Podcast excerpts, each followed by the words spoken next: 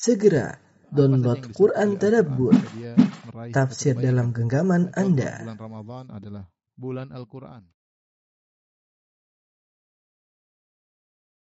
Bismillahirrahmanirrahim. Assalamualaikum warahmatullahi wabarakatuh. Alhamdulillahi ala ihsanih wa syukru lahu ala taufiqihi wa amtinani wa asyhadu an la ilaha illallah wahdahu la syarika lahu ta'ziman li sya'ni wa asyhadu anna Muhammadan abduhu wa rasuluhu da'ila ridwani. Allahumma salli alaihi wa ala alihi wa ashabihi wa ikhwani. Para ikhwan dan akhwat, para pemirsa Radio Roja dan Roja TV di anda, di mana pun Anda berada, pada kesempatan kali ini kita akan uh, membahas uh, uh, kandungan-kandungan dari surat Yasin ya. Uh, surat Yasin dinamakan surat Yasin karena dibuka dengan uh, firman Allah Yasin. Ya. Adapun surat ini adalah uh, surat Makkiyah diturunkan oleh Allah Subhanahu wa taala kepada Nabi sallallahu alaihi wasallam sebelum Nabi uh, berhijrah. Sebelum Nabi berhijrah kita sebagaimana sering kita jelaskan namanya surat Makkiyah adalah surat yang turun sebelum Nabi berhijrah. Adapun surat Madaniyah adalah surat yang turun setelah Nabi e, berhijrah. Meskipun turunnya di Mekah, ya, kalau diturunkan setelah Nabi berhijrah maka tetap dikatakan e, surat Madaniyah. Jadi penamaan Makkiyah dan Madaniyah itu berkaitan dengan tempat Makkah dan Madinah, tetapi hakikatnya e, berkaitan dengan waktu. Makkiyah yaitu surat atau ayat yang diturunkan sebelum Nabi berhijrah, adapun Madaniyah yaitu surat atau ayat yang turun setelah Nabi uh, berhijrah. Contoh seperti firman Allah Subhanahu uh, wa taala, "Al-yawma akmaltu lakum dinakum wa atmamtu 'alaikum ni'mati wa raditu lakum al-Islam madina." Hari ini telah sempurnakan bagi kalian agama kalian. Ayat ini turun ketika Nabi SAW di sedang uh, hajian dan sedang di padang Arafah, yaitu di Mekah. Tetapi di ayat Madaniyah, di ayat Madaniyah. Karena dia turun setelah Nabi ber, berhijrah. Meskipun lokasi turunnya di uh, di Mekah, ya. Uh, mengenal beda antara Makkiyah dan Madaniyah penting. Dari sisi kita mengetahui nuansa kaum muslimin ketika itu ya kalau di Mekah uh, audiens yang dihadapi oleh Nabi SAW kebanyakanlah kaum musyrikin Quraisy, kaum musyrikin Arab, kaum musyrikin Quraisy. Sehingga topik uh, yang ada pada surat-surat Makkiyah adalah biasanya berkaitan dengan iman. Biasanya berputar pada tiga perkara. Yang pertama tentang uh, iman kepada Rasul, bahwasanya Rasulullah SAW adalah seorang uh, Rasul. Kemudian juga iman kepada hari kebangkitan dan masalah tauhid. Tauhid bahwasanya Allah Subhanahu wa taala tidak berhak untuk disekutukan, ya. Jadi biasanya pembahasan tentang itu masalah uh, kerasulan Nabi Muhammad SAW, kemudian tentang adanya hari kebangkitan dan juga tentang uh, pentauhidan Allah Subhanahu wa taala karena tiga perkara ini diingkari oleh kaum uh, musyrikin uh, Arab ya. Jadi secara umum seluruh ayat dalam surat Yasin adalah makiyah. Ada beberapa ayat yang diperselisihkan seperti firman Allah wa idza qila lahum anfiqu. Nah, ini juga diperselisihkan apakah dia makiyah atau madaniyah. Demikian juga firman Allah inna nahnu nuhyil mauta wa naktubu ma qaddamu wa atharahum. Apakah ini makiyah atau madaniyah? Tapi hukum asal jika satu surat dikatakan makiyah maka seluruh ayatnya makiyah. Dia tidak mengatakan madaniyah kecuali ada dalil yang tegas ya dan kita tidak mengatakan Madinah kecuali ada dalil yang yang tegas e, dan e, sebagaimana juga kita katakan kalau ada surat dikatakan surat Madaniyah maka dia hukum asal seluruh ayatnya Madaniyah kita tidak mengatakan ada ayat yang makiyah kecuali ada dalil yang tegas jika tidak ada dalil yang tegas maka hukum asal kembali e, hukum asal yaitu kembali kepada hukum asal dia makiyah atau atau e, Madaniyah mengenai surat Yasin e, ada beberapa hadis-hadis yang berkaitan tentang keutamaan surat uh, uh, Yasin ya. Uh, di antaranya uh, sabda Nabi sallallahu alaihi wasallam, "Utitu makana Taurat asaba." Aku diberikan pengganti Taurat adalah tujuh surat yang panjang ya. Jadi surat uh, Al-Baqarah, kemudian Ali Imran dan seterusnya, Al-A'raf ya wa utitu makana zabur al-mi'in dan aku diberi kedudukan kitab Zabur dengan mi'in yaitu ayat surat-surat yang ratusan ayat, lebih dari 100 ayat. Uh, kemudian wa utitu makana al-injil al-mathani dan aku diberikan sebagai pengganti Injil adalah al-mathani. Al-mathani ya surat-surat setelah mi'in di antaranya surat Yasin, ufusiltu bil mufassal dan aku uh, diberi kemuliaan ufudiltu bil mufassal dengan surat mufassal, surat mufassal mulai dari surat Al-Hujurat atau dari surat uh, Qaf. Ada khilaf di kalangan para ulama. Di antara surat Al-Mathani adalah surat uh, Yasin. Adapun keutamaan surat Yasin ya, maka uh, datang dalam hadis-hadis namun sebenarnya mengatakan seluruh hadisnya adalah dhaif. Dan bahkan ada yang maudhu yang palsu ya. Ada satu hadis yang diperselisihkan apakah dia hasan atau dhaif seperti hadis man qara'a Yasin fi lailatin ibtigha'a wajhillah ghufira lahu. Barang siapa yang baca surat Yasin pada satu malam ya malam apa pun dengan berharap wajah Allah itu ikhlas baca surat Yasin, ghufira lahu maka akan diampuni oleh Allah Subhanahu Hadis ini diperselisihkan oleh para ulama. Ada yang mengatakan dhaif, ada yang mengatakan beberapa jalan sehingga naik menjadi hasan li ghairihi. Tapi asalnya dia adalah hadis yang dhaif. Sebenarnya mengatakan seluruh hadis tentang surat Yasin adalah uh, dhaif ya. Adapun hadis-hadis yang lain ya. Hadis-hadis yang lain maka uh, hadisnya adalah dhaif atau maudhu' ya. Di antaranya hadis-hadis tentang surat Yasin misalnya uh, Inna Allah tabaraka wa ta'ala qara'a wa Yasin qabla an yakhluqa Adam bi alfai am. Sungguhnya Allah Subhanahu wa taala membaca surat Toha dan surat Yasin sebelum Allah menciptakan Adam 2000 tahun. Itu 2000 tahun sebelum Allah menciptakan Adam, Allah bacakan Allah baca Toha dan Yasin. Falamma sami'atil malaikatul Qur'ana qalu tatkala malaikat mendengar tentang surat ini, Eh, Toha dan Yasin, maka mereka berkata, qalu tuba li ummatin yanzilu hadza alaihim. Sungguh beruntung suatu umat yang turun kepada mereka dua surat ini. Wa tuba li alsunin tatakallamu bihadza dan sungguh eh, beruntung lisan-lisan yang membaca surat ini.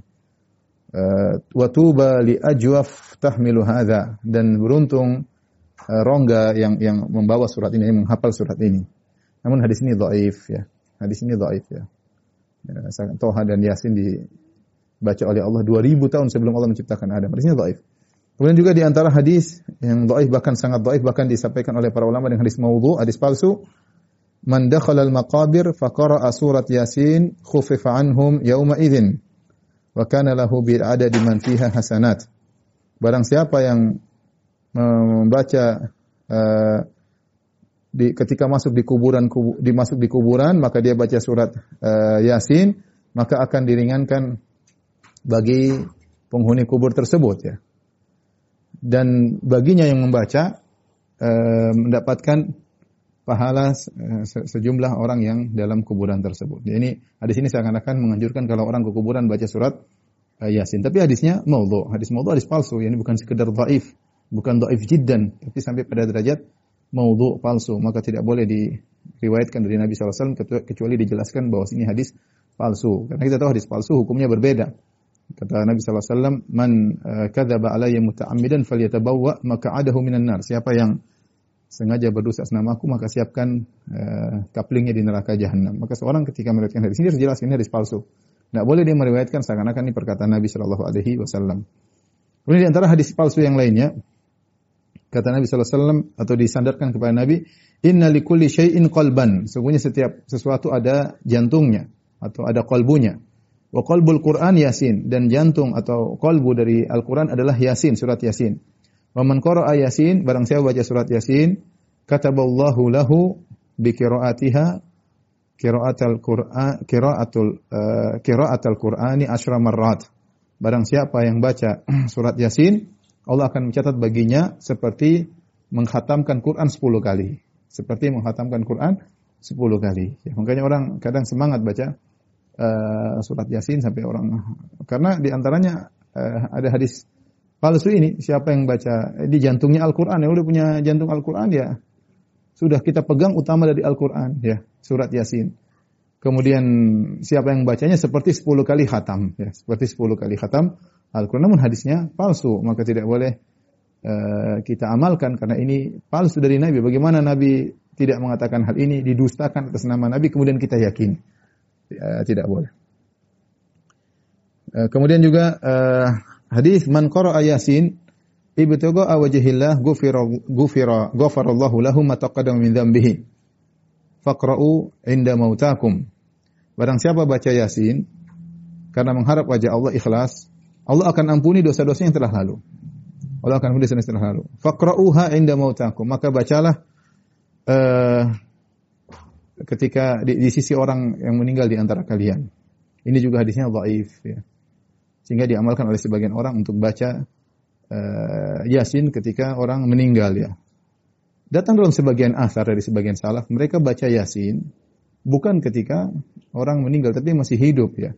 Masih hidup ihtidhar akan meninggal maka dibacakan Yasin bukan setelah eh, meninggal. Kalau dia masih dalam kondisi sekarat dibacakan Yasin, bacakan Al-Qur'an bermanfaat ya. Surat apa pun di antaranya surat Yasin. Ya, adapun membacanya setelah eh, bagi dia meninggal ini maka hadisnya dhaif. Di antara hadis dhaif juga tentang Yasin, man qara'a Yasin fi sadrin nahar, siapa yang baca surat Yasin di awal hari yaitu di pagi hari, qudiyat hawaijuhu, maka segala keperluannya akan dipenuhi oleh uh, Allah Subhanahu wa taala. Ini juga hadis uh, dhaif ya. Ini juga hadis uh, dhaif.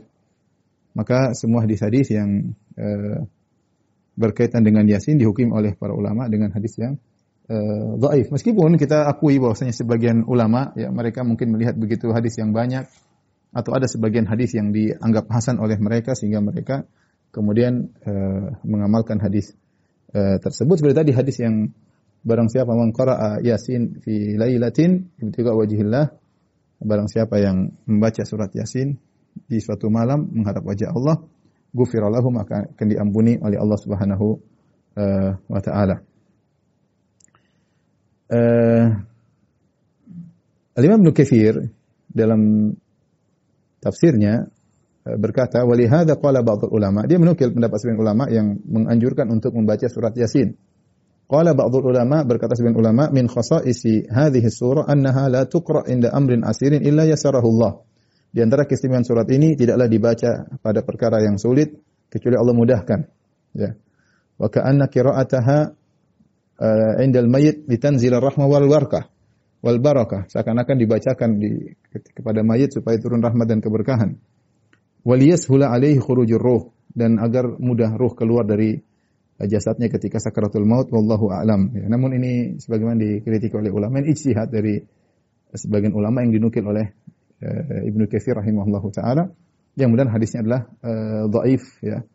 Uh, apa namanya sebagian orang berdalil eh, kita apa namanya dengan baca surat Yasin maka kemudian dimudahkan urusan. Ya. Tapi dibantah oleh sebagian ulama ya.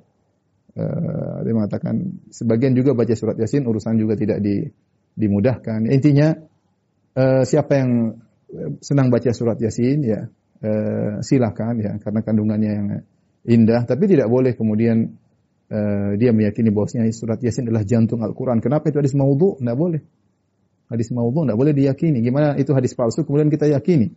Hadis dhaif saja tidak boleh kita yakini apalagi hadis palsu. Ya, maka tidak boleh di uh, diyakini ya. Seperti tadi saya baca baca surat Yasin kemudian seperti khatam Al-Qur'an 10 kali ini juga hadis palsu maka tidak boleh juga di uh, diyakini. Tidak boleh di, diyakini ya. Karena hadis-hadis yang Yasin tentang surat Yasin semuanya uh, dhaif ya. Meski tadi saya katakan sebagian ulama berpendapat untuk dibaca ya pendapat tapi kalau kita berusaha merajihkan kita bilang semua hadisnya adalah uh, dhaif maka tidak bisa diamalkan wallahu alam uh, bisawab.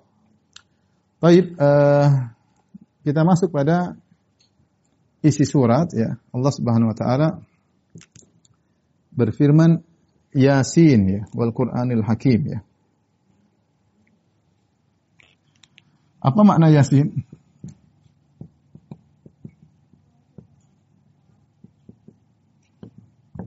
Ada khilaf di kalangan para ulama, secara ada dua pendapat khilaf. Ada yang mengatakan uh, Yasin Yasin uh, maknanya hanya Allah yang tahu.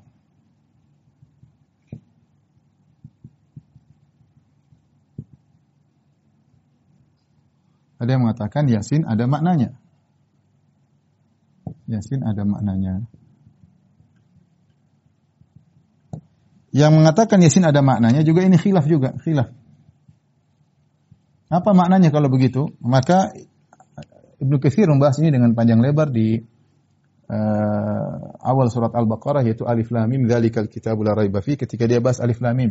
Khilaf ada yang mengatakan Yasin ya adalah Yasin Yasin sama dengan sama seperti alif lam mim sama dengan sad, sama dengan qaf dan lain-lain adalah nama-nama surat. Jadi uh, kata mereka bahwasanya uh, alif lam mim dan seterusnya ini adalah eh, nama-nama uh, surat ya. Nama-nama surat sehingga Allah turunkan lafal-lafal seperti itu untuk menjadi nama surat. Ini mengatakan uh, surat Yasin, surat Alif Lam Mim Sad, surat Qaf, surat Sad ya dan seterusnya. Ini pendapat. Ada yang mengatakan Yasin adalah uh, atau al-huruf al-muqatta'ah secara umum. Huruf muqatta'ah itu ini alif lam mim sad qaf ada ada 14 huruf ya.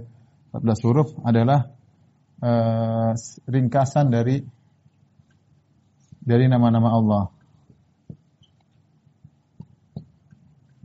Dari nama-nama Allah ya, dari nama-nama Allah. Uh, contohnya mereka mengatakan alif lam mim, alif lam mim. Kata mereka alif adalah dari Allah. Ada lam maksudnya uh, latif. Kemudian Mim maksudnya adalah majid. Pendapat sebagian uh, salaf ya, mereka berusaha memaknai huruf-huruf uh, muqatta'ah tersebut. Dan ada pendapat-pendapat lain, pendapat-pendapat yang lain. Namun wallah alam biswab uh, yang lebih tepat bahwasanya uh, al-huruf al-muqatta'ah diturunkan untuk bukan bukan untuk dimaknai ya. Adapun khusus Yasin ya, saya ulangi khusus, khusus Yasin uh, khusus Yasin Ada yang mengatakan maknanya ya rojul wahai sang lelaki dalam bahasa Habasya atau apa wahai sang lelaki.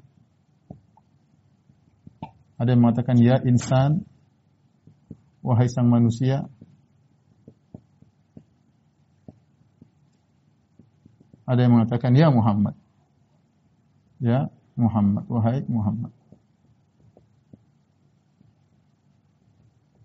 Wahai Muhammad ini khilaf juga yang mengatakan ada maknanya. Namun yang benar Allah alam bisawab, eh, yang benar ya, eh, yang lebih tepat bahwa eh, huruf-huruf tersebut tidak ada maknanya. Tersebut bukan di bukan dimaksudkan untuk dicari maknanya. Untuk dicari maknanya. Kenapa? Karena uh, makna baru bisa diketahui kalau menjadi suatu kata, ya. Uh, huruf tersusun menjadi kata, ya. Kemudian kata tersusun uh, tersusun menjadi uh, kalimat atau jumlah kalau bahasa kita bahasa Arabnya adalah al jumlah. Uh, adapun huruf, maka dia tidak bermakna kecuali setelah menjadi kata.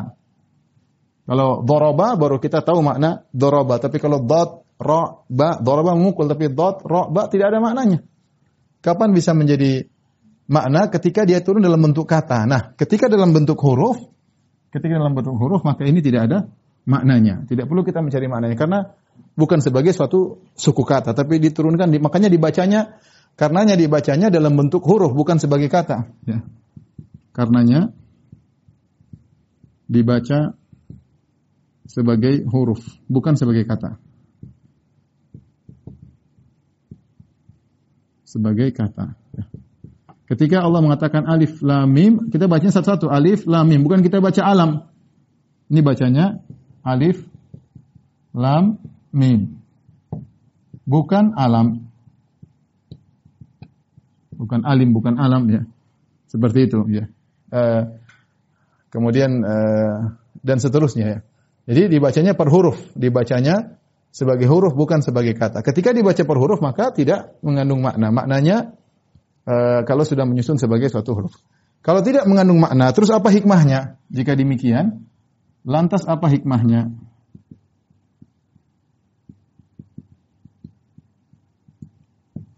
Hikmahnya uh, Ini dipilih oleh sejumlah uh, para ahli tafsir, para ulama ya.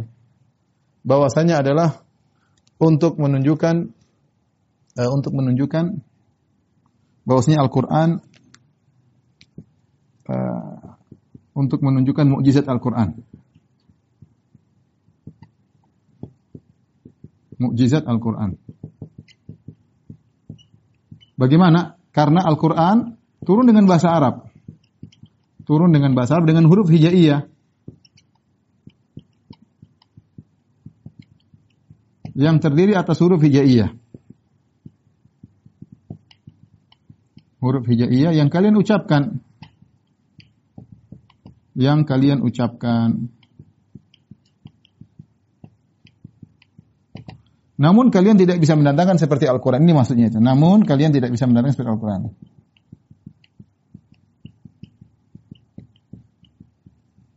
Mendatangkan seperti Al-Quran.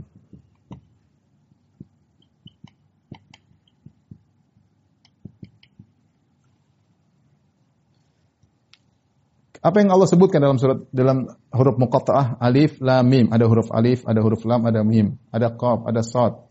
Kaf ha ya ain sad, ada huruf kaf ha ya ain sad. Ada ha mim. Alif lam ra ya. Uh, seperti itu ya. Alif lam mim sad. Ini semua uh, apa namanya?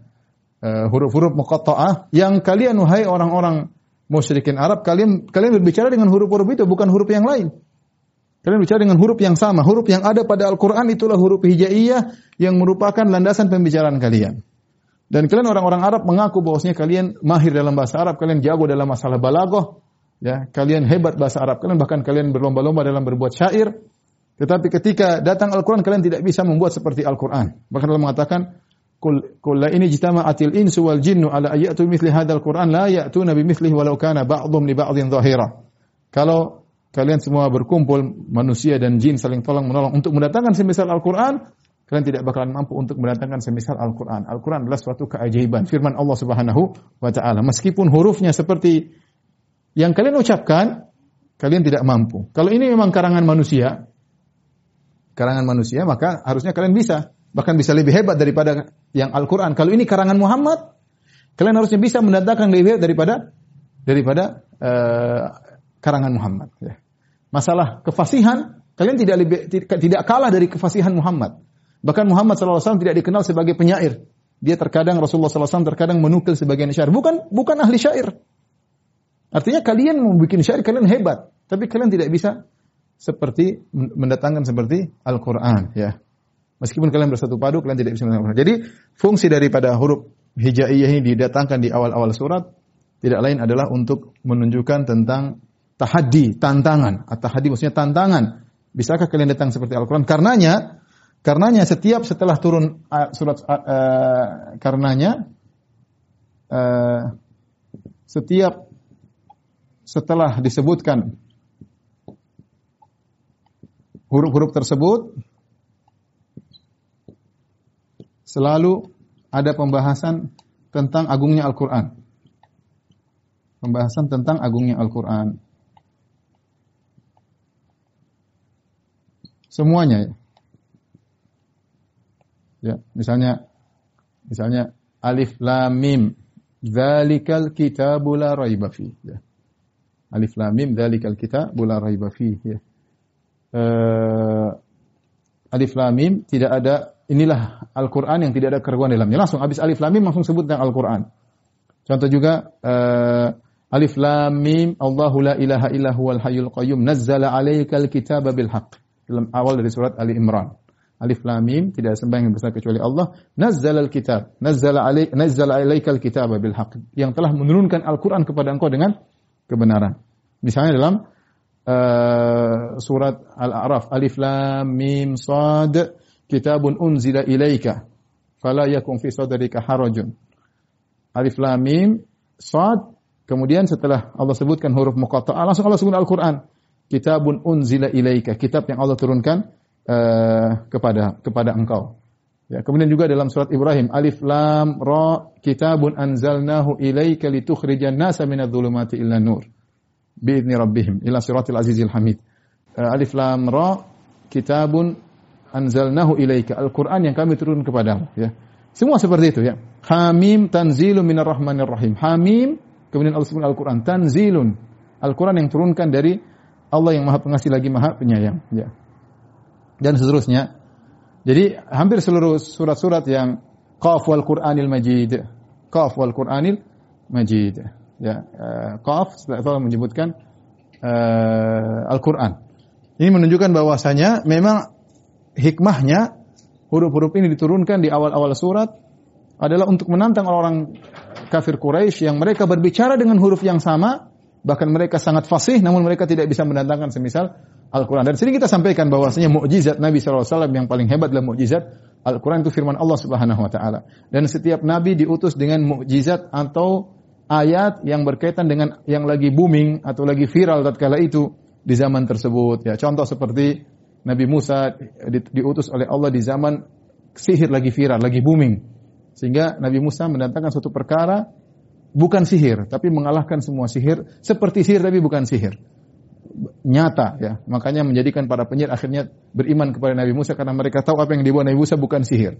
Contohnya Nabi Isa alaihissalam diturunkan di zaman yang lagi booming, lagi viral tentang pengobatan maka dia diturunkan dengan suatu keajaiban di mana dia mengobati yang tidak bisa diobati oleh mereka, buta, dipegang jadi sembuh. Ya. Kemudian uh, orang yang kena baros disentuh maka sembuh penyakitnya. Bahkan mayat bisa dihidupkan oleh Nabi Isa alaihissalam ada keperluan tertentu ya. ya. Jadi ini diutus dengan sesuatu yang lagi viral ya. Contohnya juga Nabi Yusuf alaihissalam diutus di zaman tatkala itu lagi viral menakwil mimpi. Ada mimpi mereka takwilkan. Tapi kalau mereka takwil tidak selalu tepat 100%. Kadang salah, kadang benar, kadang mereka tidak tahu. Sama seperti ketika raja memaparkan mimpinya kepada para pembesar-pembesarnya, mereka berkata, Qalu adghasu ahlam, ini hanyalah mimpi yang tidak jelas, yang carut-marut.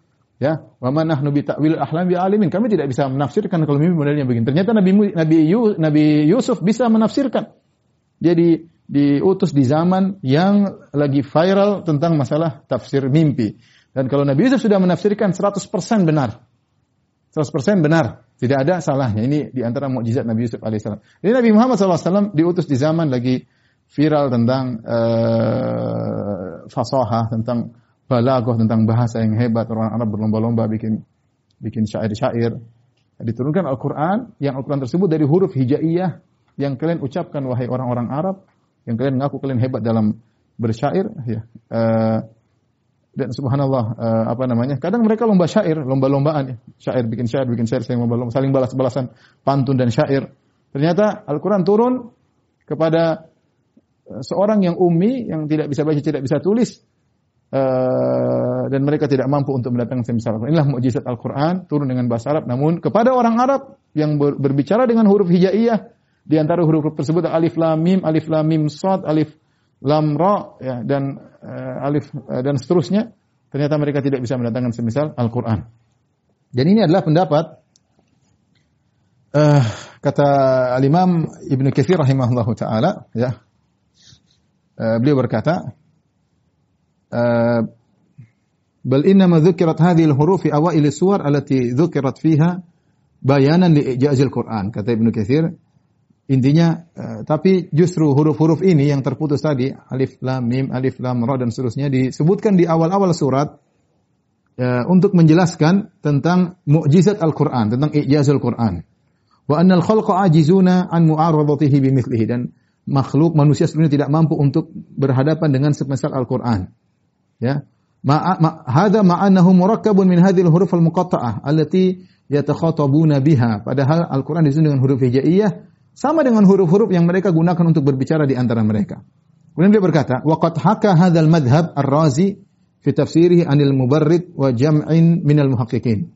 Ini madhabnya siapa? Madhab Al-Mubarrid dan sekelompok orang ahli tahqiq. Sebagaimana di, dihikayatkan oleh Razi dalam tafsirnya. Demikian juga Al-Qurtubi rahimahullah menghikayatkan bahwa ini pendapat dari Al-Farra ya dan Qutrub semisal ini. Pendapat ini juga pendapat Al-Farra dan Qutrub rahimahumullah. Kemudian juga dikuatkan oleh Zamakhsyari dalam kasyafnya dia menguatkan pendapat ini. Ini pendapat Syekhul Islam Ibnu Taimiyah rahimahullahu taala. Kata Ibnu Katsir perhatikan, wa ilaihi dhahaba Syekhul Imam Al-Allamah Abu Abbas Ibn Taimiyah. Ini pendapat Syekh Al-Imam al-allamah yang uh, ula, apanya ahli ilmu Abdul Abbas Ibnu Taimiyah. Lihat bagaimana Ibnu Katsir sangat mengganggu apa memuliakan Ibnu Taimiyah rahimahullah taala. Kemudian dia berkata wa syekhuna al-hafiz al-mujtahid Abu Hajjaj al-Mizzi ya dan juga ini pendapat guru kami uh, al-Mizzi ya. Uh, al-Mizzi ya, ahli hadis gurunya uh, Ibnu Katsir rahimahullah taala. Jadi pendapat yang kuat bahwasanya Yasin uh, dan seterusnya uh, tidak perlu kita tidak perlu kita tafsirkan tapi itu termasuk dari seperti alif lam mim ha mim sama tidak ada bedanya ya. Karena sebagian, orang mengatakan Yasin adalah nama Nabi Muhammad sallallahu alaihi wasallam ya. Maka sebagian orang menamakan anaknya dengan Yasin, maksudnya Muhammad. Kata mereka sama dengan Toha. Toha juga dinamakan maksudnya nama Nabi sallallahu alaihi wasallam ya. Kenapa mereka berdalil Yasin wal Qur'anil Hakim innaka seakan-akan Allah mengatakan Yasin demi Quran yang uh, hakim, sungguhnya engkau la minal mursalin. Seakan-akan Allah berkata wahai Muhammad, wahai Yasin. Demi Al-Qur'an yang uh, yang hakim, sungguhnya kau termasuk para rasul. Sama Toha. Ya, ma anzalna alaikal Qur'ana litashqa. Tidaklah kami turunkan Al-Qur'an agar kau celaka. Jadi seakan-akan Allah langsung Toha itu nama nama Nabi, wahai Toha. Sehingga mereka memahami Toha Yasin adalah nama Nabi SAW. Namun ini pendapat yang kurang tepat dibantah oleh Syekh Utsaimin rahimahullah karena ayat semisal ini banyak. Contohnya Langsung disebutkan Nabi misalnya Alif Lam Mim Sad, kitabun unzila ilaika. Alif Lam Mim Sad, kitabun unzila ilaika. Tapi tidak ada yang bilang Alif Lam Mim Sad nama Nabi. Padahal konteksnya sama, Alif Lam Mim Sad, kemudian Allah sebutkan Nabi. Alif Lam Mim Sad, kitabun unzila ilaika. Kitab turun kepada engkau. Namun tidak ada yang bilang Alif Lam Mim Sad nama Nabi sallallahu alaihi wasallam. Demikian juga Alif Lam Ra dalam surat Ibrahim. Alif Lam Ra kitabun anzalnahu ilaik. Sama. Langsung domir mukhatab kata ganti orang kedua. Alif Lam Ra Alkitab yang kami turunkan kepada engkau. Tapi tidak ada yang bilang Alif Lam Ra nama Nabi Muhammad sallallahu alaihi eh, wasallam. Jadi yang benar bahwasanya Yasin maupun Toha bukan nama Nabi Muhammad sallallahu alaihi wasallam meskipun sebagian ulama berpendapat demikian. Yang benar Alif Yasin sama dengan Toha sama dengan Alif Lam Mim sama dengan Sod sama dengan Qaf sama dengan uh, Hamim ya, dan yang lainnya Nun ini semua adalah huruf muqatta'ah tujuannya untuk menjelaskan tentang Al-Quran adalah mukjizat. Tolong dihapus. Uh, kemudian kita lanjutkan uh, uh, ayat berikutnya. Kata Allah Subhanahu wa taala setelah Yasin wal Qur'anil Hakim. Di sini Allah bersumpah ya. Allah bersumpah wal Qur'an demi Al-Qur'an Al-Hakim ya. Demi Al-Quran yang penuh hikmah. Demikian di dalam terjemahan ya. Uh, Al-Quran Al-Hakim. Ini pendapat sebagian ulama bahwasanya wal Quran yaitu Quran yang kita baca ini yang diturunkan oleh Allah Subhanahu wa taala memiliki sifat Al-Hakim wal Quran Al-Hakim.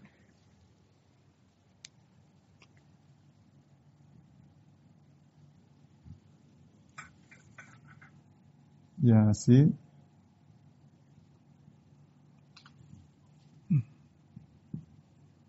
Al-Qur'anil Hakim. Perhatikan di sini di sini ada uh, kasrah wal Qur'an yang menunjukkan sumpah, al-qasam. Sumpah. Allah bersumpah dengan Al-Qur'an Al-Hakim. Apa makna Al-Hakim? Al-Hakim makna dari uh, wazannya uh, fa'il ya. Fa'il Al-Hakim. Fa'il ini kalau kita telusuri dalam bahasa Arab, maknanya bisa macam-macam. Bisa maknanya uh, fa'il, bisa maknanya uh, muf'il, bisa maknanya uh, muf'al.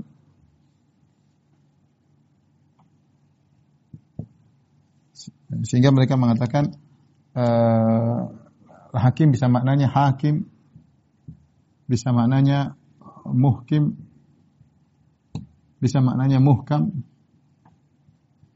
Masing-masing punya punya makna ya. Uh, uh, apa namanya seperti hakim misalnya Al-Qur'an adalah hakim, pemutus. In tanaza'tum fi syai'in farudduhu ila Allah war Rasul. Ya, wa makhtalaftum fihi min syai'in fa hukmuhu ila Allah ya. Uh, kalau kalian berselisih kembali kembalilah kepada Al-Qur'an dan kepada Rasul. Al-Qur'an adalah hakim uh, apa namanya wa muhaiminan alaih dan juga menjadi hakim bagi kitab-kitab sebelumnya. Kemudian juga uh, kalau kalian berselisih, apa pun kalian berselisih maka fahukmuhu ilallah, hukumnya kepada Allah kepada Al-Qur'an. Muf'al muhkam yaitu Al-Qur'an ayatnya adalah muhkam ya. Kitabun uhkimat ayatuhu. Al-Qur'an yang kitabnya adalah uh, sudah kokoh, muhkam artinya kokoh ya. Kemudian di antaranya uh, makna uh, al-muhkim ya. Uh, muhkim ya, muhkim itu yang yang mengkokohkan ya. Seperti firman Allah Subhanahu wa taala wa tammat kalimatu rabbika sidqan wa adla ya. Ini di antara makna-makna dari al-hakim ya. Bisa jadi al-hakim maksudnya zul hukmi, bisa jadi al-hakim maknanya zul hikmah. Ya, kalau kita kembali secara bahasa, al-hakim bisa artinya zul hukmi yaitu memegang hukum atau zul hikmah yang penuh dengan hikmah dan Al-Qur'an bisa disifati uh, dengan dua-duanya ya. Wal Qur'an Al-Hakim. Setelah itu Allah berfirman ya. Innaka laminal mursalin. Perhatikan innaka laminal mursalin. Ala siratim mustaqim. Innaka laminal mursalin. Ala siratim mustaqim. Sungguhnya engkau ini sesungguhnya engkau engkau benar-benar termasuk para rasul. Benar-benar termasuk dari para rasul. Ala sirati mustaqim di atas jalan yang lurus.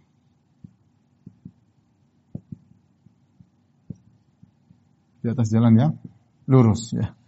Uh, Allah bersumpah wal Qur'anil Hakim untuk tujuannya untuk menekankan ini. Wal Qur'an Allah bersumpah. Sumpah buat apa? Pertanyaan. Allah sumpah buat apa? Buat apa bersumpah? Untuk menekankan ini. Untuk menekankan sungguhnya engkau termasuk para rasul ini untuk ini. Sungguhnya engkau termasuk dari para rasul. Kenapa Allah bersumpah? Para Allah menjelaskan karena seakan-akan di sana ada orang yang menolak orang kafir uh, mengatakan lasta mursalan. Ya. Uh, wa yaqulul apa namanya? Uh, lasta mursalan. Sebenarnya dalam surat Ar-Ra'd mereka berkata lasta mursalan engkau bukanlah seorang rasul, ya. Ketika mereka mengingkari kerasulan Nabi sallallahu alaihi wasallam, maka Allah perlu membantah dengan sumpah. Beda kalau mereka hanya ragu-ragu atau mereka bingung rasul atau bukan, maka mungkin cuma diperlu dijelaskan engkau adalah seorang rasul, sudah cukup.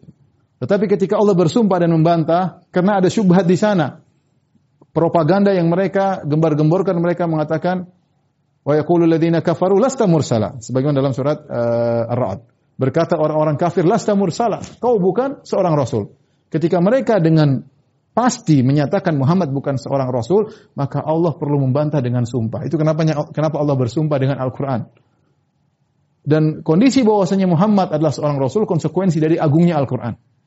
Allah bersumpah dengan Al-Qur'an, Al-Qur'an agung. Wal Qur'anil Hakim demi Al-Qur'an yang uh, hikmat innaka sungguhnya engkau kemudian pakai lam taukid lagi laminal mursalin termasuk dari para rasul ya, termasuk dari para rasul. Ketika Allah mengatakan benar-benar termasuk ya, seakan-akan kenabian Rasulullah SAW bukanlah hal yang perlu diperdebatkan ya. Allah tidak mengatakan, perhatikan, Allah tidak mengatakan mengatakan innaka la rasul.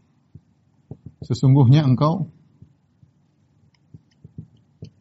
engkau seorang rasul. Tidak.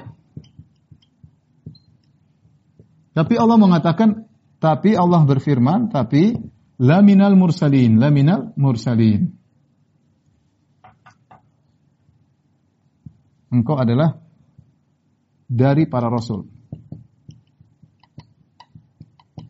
Seakan-akan ini perkara yang amrun mafruk mafruk anhu sudah nggak usah dibahas. Dia tuh bagian dari rasul. Muhammad wasallam bukan hanya seorang rasul, dia bagian dari para rasul. Sudah ada rasul-rasul sebelumnya. Sehingga di bantahan yang telah naib Allah tidak mengatakan sungguh engkau seorang rasul. Allah malah mengatakan sungguh engkau bagian dari para rasul. Artinya kau bukan hal yang baru. Kul ma kuntu bid'an minar rusul. Katakanlah aku bukanlah baru dari para rasul. Sebelum Nabi Muhammad SAW banyak rasul. Ya. Sudah banyak rasul sehingga seakan-akan ini perkara yang sudah jelas sungguhnya engkau termasuk dari para rasul selesai. Lebih tegas daripada jika Allah mengatakan sungguhnya seorang rasul. Ya. Dengan mengatakan sungguhnya engkau adalah bagian dari rasul, hal yang sudah diterima dan bukan hal yang baru sudah ada para rasul sebelum Nabi Muhammad sallallahu alaihi wasallam. Kemudian Allah Subhanahu wa taala ala siratim mustaqim, di atas jalan yang lurus. Di sini ada dua uh, pendapat ya. Ada yang mengatakan pendapat pertama, ala sirati mustaqim. Maksudnya adalah innaka laminal mursalin minal mursalin ala sirati mustaqim. Bahwasanya para rasul tersebut di atas jalan yang lurus. Para rasul tersebut berada di atas jalan yang lurus. Ini pendapat pertama. Pendapat yang kedua, innaka laminal mursalin maksudnya innaka ala sirati mustaqim. Jadi ini khobar yang kedua dari inna. Innaka khobar pertama laminal mursalin, khobar kedua ala sirati mustaqim. Yaitu engkau benar-benar di atas jalan yang lurus. Ini dua pendapat di kalangan para ahli tafsir. Dua-duanya benar. Dua-duanya benar. Para rasul di atas jalan. Tidak ada para rasul yang di atas jalan yang bengkok. Jalan para rasul semua lurus. Tapi pendapat yang kedua lebih lebih kuat. Lebih kuat. Allah sedang menegaskan Nabi Muhammad SAW karena orang-orang kafir menuduh Rasulullah sesat.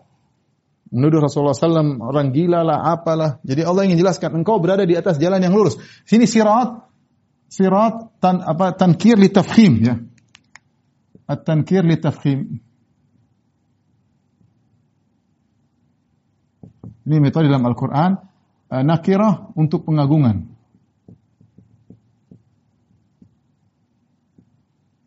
Sampai Al-Alusi mengatakan rahimahullah dalam kitabnya Rahul Ma'ani. Seandainya, uh, maksudnya, para Rasul mereka di atas jalan yang lurus. Di sana ada surut mustaqim, ada jalan-jalan yang lurus. Semua seluruh para nabi di jalan lurus, tapi jalannya nabi lebih spesifik lebih spesial. Makanya disebut dengan nakirah. Ini jalannya Nabi lebih hebat daripada jalan-jalan Nabi sebelumnya. Semua jalannya lurus. Tapi Nabi adalah Nabi terakhir. Dia khulasa kesimpulan daripada seluruh Nabi seluruhnya.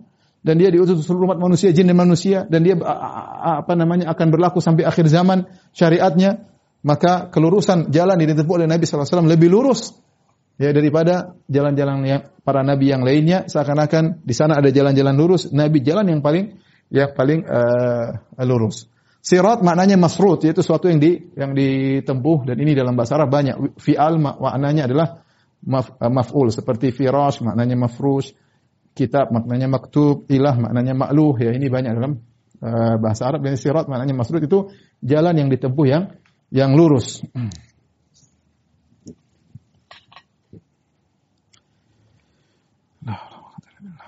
Dan ini menjelaskan tentang bahwasanya tabiat risalah seperti itu, tabiat kerasulan adalah pasti lurus. Ya, itu hakikat Rasulullah Shallallahu Alaihi Wasallam. Tidak mungkin risalah bengkok-bengkok. Ya, risalah lurus, tidak ada kebengkokan sama sekali, tidak ada kemiringan. Ya, dan penjelasan risalah sangat tegas, tidak ada kerancuan. Ya, tidak mengikuti hawa nafsu, tidak miring karena sesuatu. Jalan yang ditempuh oleh Nabi adalah jalan yang uh, yang lurus ya. Ini adalah pujian kepada uh, Rasulullah sallallahu alaihi wasallam bahwasanya beliau berada di jalan yang agung, yang jalan agung tersebut adalah jalan yang uh, yang lurus. Kenapa? Karena orang-orang musyrikin ingin menggambarkan bahwasanya Nabi wasallam berjalan di atas jalan yang bengkok, uh, yang miring, maka Allah bantah dari dua sisi. Allah bantah, engkau benar-benar seorang rasul, bahkan engkau adalah salah seorang dari kumpulan para rasul. Yang kedua, engkau benar-benar di atas jalan yang lurus. Tidak seperti pernyataan mereka, uh, Eh, eh, apa namanya ingin apa namanya menyatakan jalan ditempuh oleh Nabi SAW adalah jalan yang uh, yang bengkok dan jalan Nabi SAW lurus dari segala hal lurus dalam hukumnya lurus dalam uh, kabarnya ya uh, lurus dalam keputusannya semua yang lurus dalam kisah-kisahnya nggak ada miring-miringnya Al-Quran ya semuanya benar semuanya hak tidak ada satu bagian pun dari Al-Quran yang yang bengkok ya semuanya lurus kalau ada yang bengkok pasti ada kontradiktif. Walau kana min indi ghairi la wajadu fi ikhtilafin katsira. Kalau kalian mendapati Al-Qur'an dari sisi Allah, eh, dari bukan dari Allah, akan kalian dapati banyak perselisihan. Allah alam bisawab demikian saja uh, apa yang bisa saya sampaikan kurang lebihnya uh, semoga bermanfaat. Kita insya Allah bertemu di kesempatan berikutnya uh, kepada pemirsa Raja uh, yang dirahmati Allah Subhanahu wa taala. Wabillahi taufik wal hidayah. Assalamualaikum warahmatullahi wabarakatuh.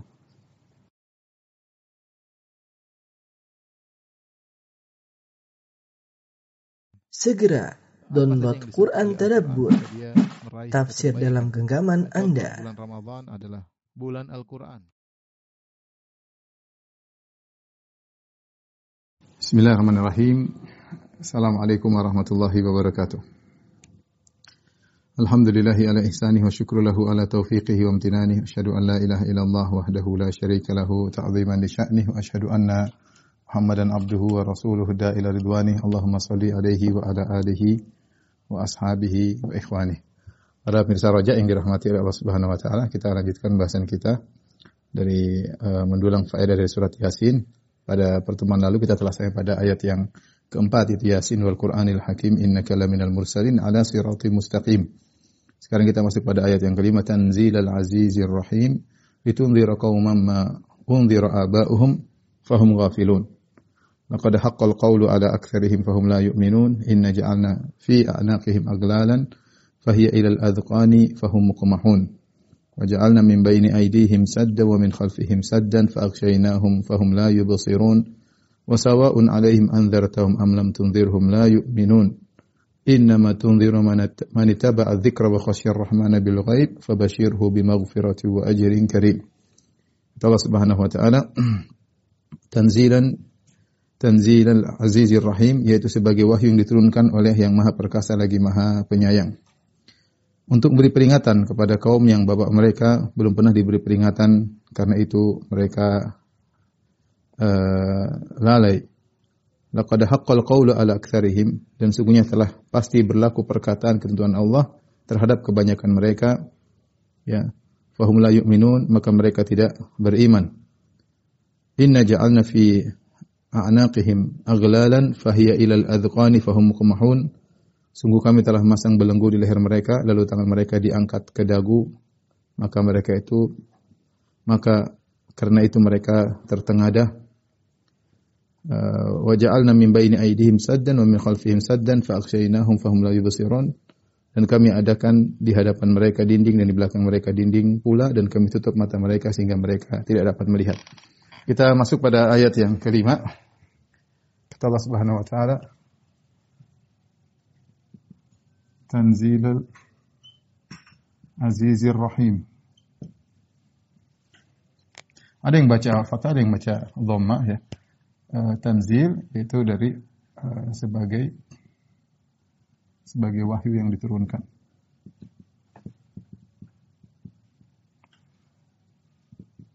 oleh Al-Aziz yang maha perkasa oleh yang maha perkasa Ar-Rahim yang Maha Penyayang.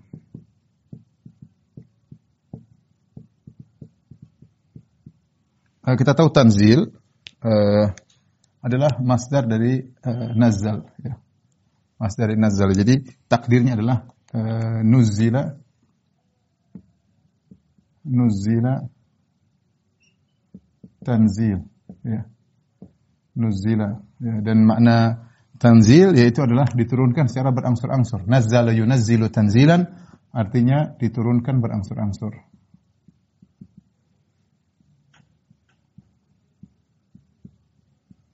Berangsur-angsur. Wa Qur'anan faraqat fa Qur'anan faraqnahu litaqra'ahu 'ala nasi 'ala mukthin wa nazzalnahu tanzila. Ya.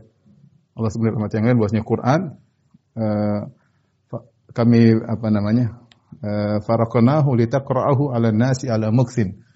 Kami turunkan berangsur-angsur agar engkau bacakan kepada manusia dengan perlahan-perlahan. Oh, nazzalnahu tanzila dan kami turunkan secara bertahap ya. Jadi Al-Qur'an diturunkan secara bertahap ya. Dan ingat yang menurunkan siapa? Yang menurunkan adalah Al-Aziz dan Ar-Rahim. Al-Aziz yang Maha Perkasa artinya uh, siapa yang ini terghib ya. Uh, apa tarhib apa namanya untuk memberi peringatan ya, peringatan. Siapa yang tidak beriman tidak beriman siap berhadapan dengan siap mendapatkan hukuman dari Al-Aziz. Dari Al-Aziz yang maha perkasa dan tidak ada yang bisa menolak hukumnya. Sebaliknya yang maha penyayang ini adalah uh, terghib motivasi ya. Artinya apa? Al-Quran diturunkan sebagai konsekuensi dari sifat rahmat Allah yang sangat tinggi. Al-Quran diturunkan ya sebagai konsekuensi dari sifat rahmat Allah. Maha penyayang. Yang yang apa namanya? Dari Allah rahmat Allah yang maha penyayang. Makanya uh, Allah Subhanahu wa taala berfirman uh, wa ma arsalnaka illa rahmatan lil alamin. Ya. Ya. Wa ma arsalnaka illa rahmatan lil alamin kami tidaklah kami utus engkau wahai Muhammad. Muhammad itu siapa? Diutus dengan Al-Qur'an. Illa rahmatan lil alamin kecuali sebagai rahmat bagi kaum ini. Juga Allah berfirman, Ar-Rahman 'allama al-Qur'an. Ar-Rahman Maha Penyayang yang mengajarkan Al-Qur'an. Berarti mengajarkan Al-Qur'an adalah konsekuensi daripada sifat rahmat Allah Subhanahu wa taala. Ini makna ayat yang kelima Tanzilal Azizir Rahim. Litunzira qauman ma unzira aba'uhum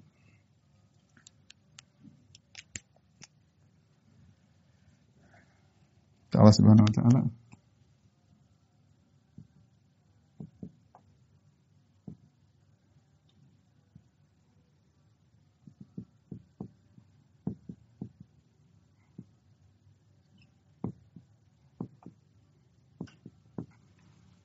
ditunzir untuk memberi peringatan agar engkau memberi peringatan pada siapa? Kepada kaum. Kepada kaum, sebuah kaum yang ma'unzir aba'uhum fahum ghafilun. Yang uh, kakek-kakek mereka atau bapak-bapak mereka belum diberi peringatan. belum diberi peringatan.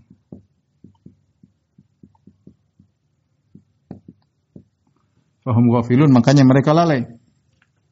Maka mereka pun lalai.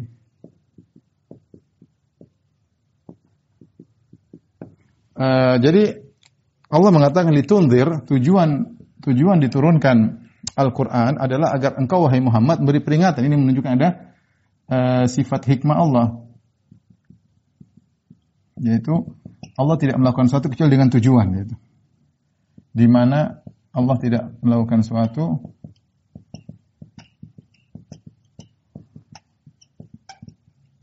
sesuatu kecuali dengan tujuan. Dan ini menyelisih akidah falasifah, kemudian akidah Jahmiyah dan akidah Asy'ariyah. Adapun Asy'ariyah mereka meniru-niru falasifah yang mengatakan bahwasanya perbuatan Allah tanpa tujuan. Allah berbuat hanya sekedar masyiah, hanya kehendak tanpa tujuan ya. Karena mereka menganggap Allah punya tujuan berarti Allah membutuhkan tujuan tersebut dengan filsafat yang mereka miliki. Ya, mereka mengatakan Allah sudah statis, sudah sempurna sehingga tidak butuh, tidak ada tujuan. Jadi Allah melakukan apa saja yang Allah kehendaki. Bahkan di antara perkataan mereka yang agak buruk, yang mereka mengatakan seandainya Allah mengatakan aku akan mengazab orang yang taat kepadaku dan aku akan masukkan surga orang yang uh, orang yang uh, bermaksiat kepadaku, nggak ada masalah. Ya kata mereka, karena Allah melakukan tanpa tujuan. Ini disampaikan oleh Al-Bajuri dalam kitabnya Tuhfatul Murid ya.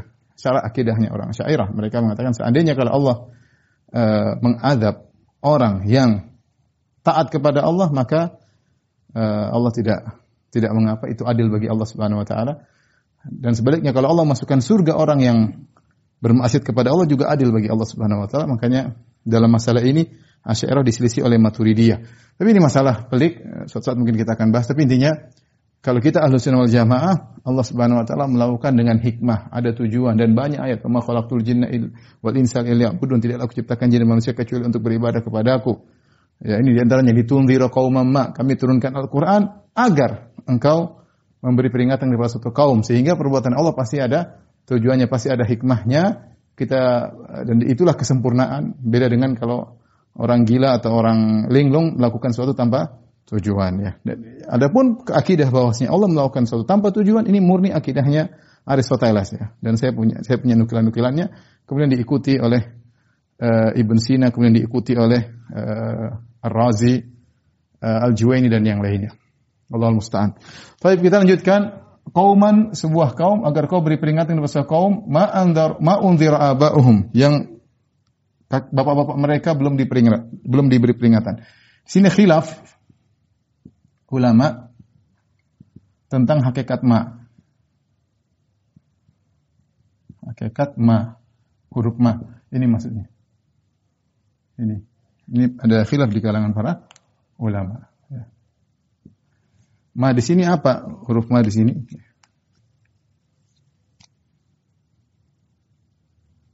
Ya. Ma di sini apakah? Ada tiga pendapat di kalangan ini hilaf dari kalangan para salaf. Kilingan ada kota, ada ada ikrimah, ada tiga pendapat ya. E, pertama, ya, ma di sini adalah ma an Ini pendapat kota ada. Ma an-nafiyah. Penafian. Kemudian ada yang berpendapat bahwasanya di sini ma adalah uh, uh, ma al-mausulah. Maknanya adalah allazi.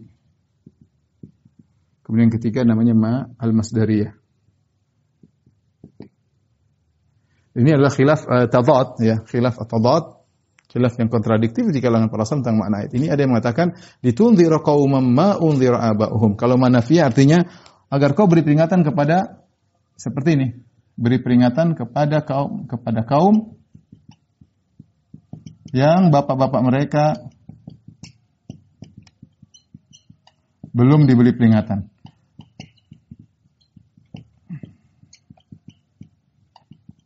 Adapun kalau ma al mausulah yaitu litunzira qauman alladzi unzira aba'uhum yang bapak mereka yaitu kaum kaum yang bapak-bapak mereka telah diberi peringatan. Telah diberi peringatan.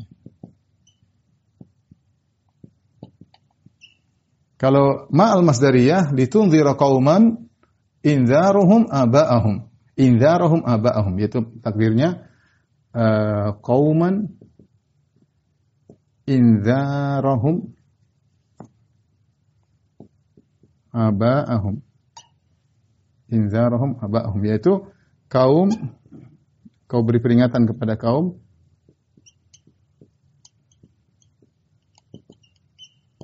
kepada suatu kaum dengan peringatan yang telah disampaikan kepada bapak mereka.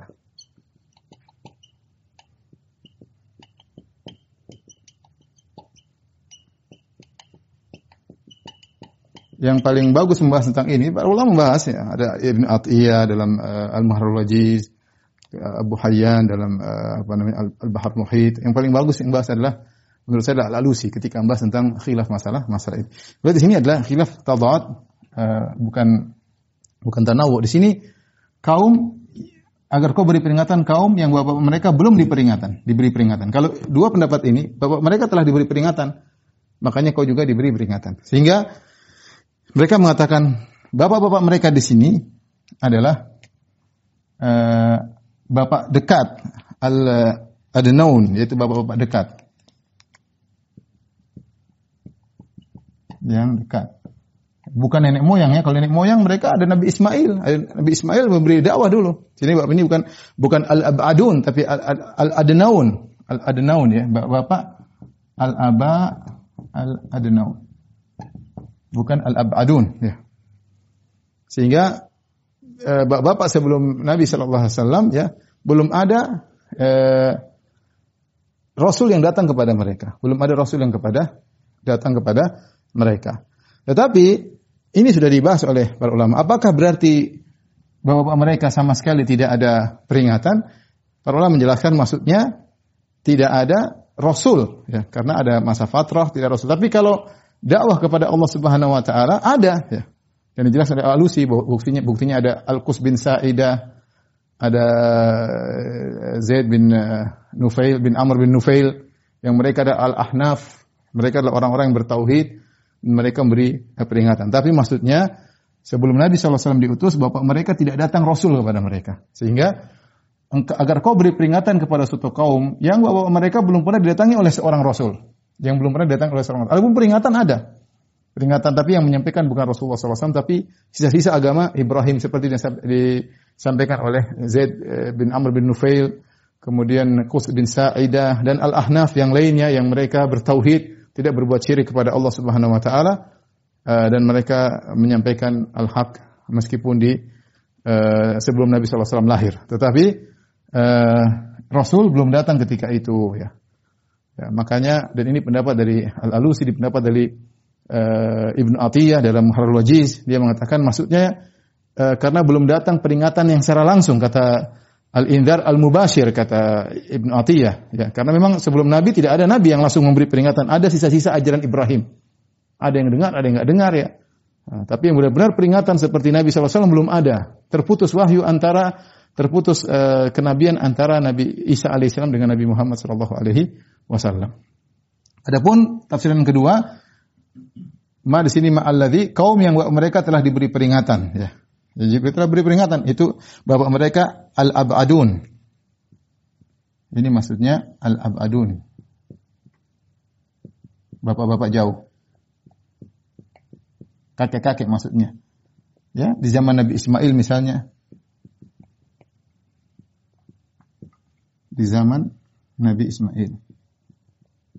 Ismail alaihissalam. Sudah ada nenek moyang mereka Nabi Ismail alaihissalam. Jadi nenek moyang mereka dulu pernah diberi peringatan. Nabi hanya memperbaharui. Makanya disebut yujad di dudina abihi. Nabi SAW hanya memperbarui agama Ibrahim, nenek moyangnya. Karena nenek moyang Nabi dulu juga pernah, zaman-zaman dulu sudah ada Nabi yang pernah memberi peringatan ditanya Ibrahim alaihissalam, Ismail alaihissalam. Ada pendapat yang ketiga, ma al masdariyah ditundhira qauman yaitu indharahum aba'ahum ya. Uh, beri peringatan kepada suatu kaum dengan peringatan yang telah disampaikan kepada bapak-bapak mereka maksudnya uh, peringatan terhadap kesyirikan.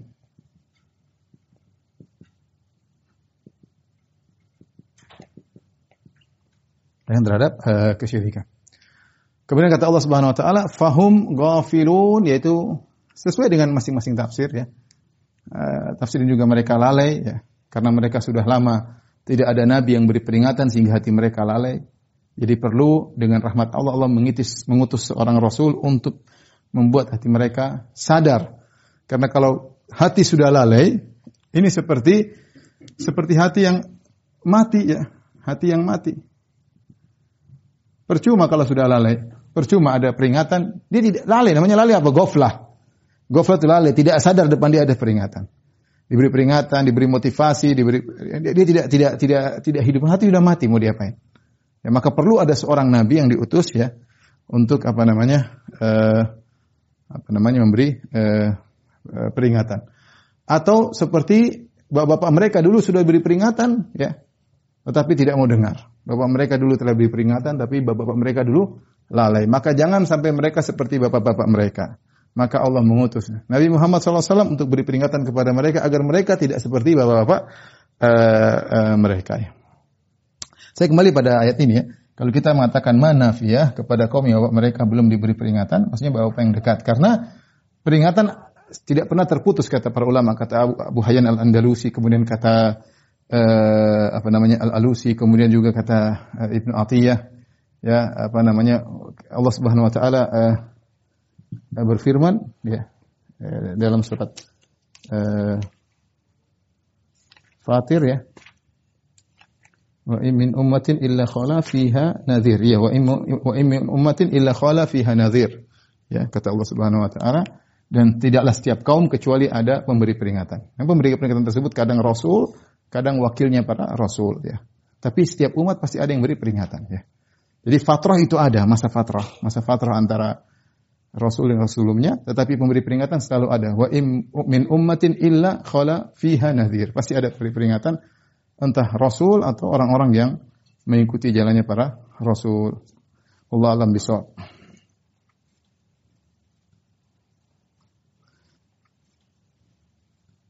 Nah, kemudian kita lanjutkan ayat uh, berikutnya Allah Subhanahu wa taala ayat ke 7 laqad haqqal qawlu ala aktsarihim fahum la yu'minun kata Allah Subhanahu wa taala uh, sesungguhnya telah pasti berlaku yaitu ketentuan Allah terhadap kebanyakan mereka dan mereka tidak beriman ya ini sudah Allah uh, tetapkan di Lauhil Mahfuz bahwasanya kebanyakan mereka tidak uh, beriman kebanyakan orang adalah mengikuti iblis al-la'in yang terlaknat. Kebanyakan orang mengikuti hawa nafsu mereka ya. Kita nggak usah jauh sekarang aja kita di zaman sekarang ini.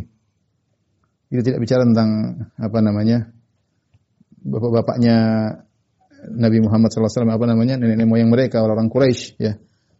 Kita bicara tentang zaman sekarang saja kebanyakannya orang kebanyakan orang kafir ya.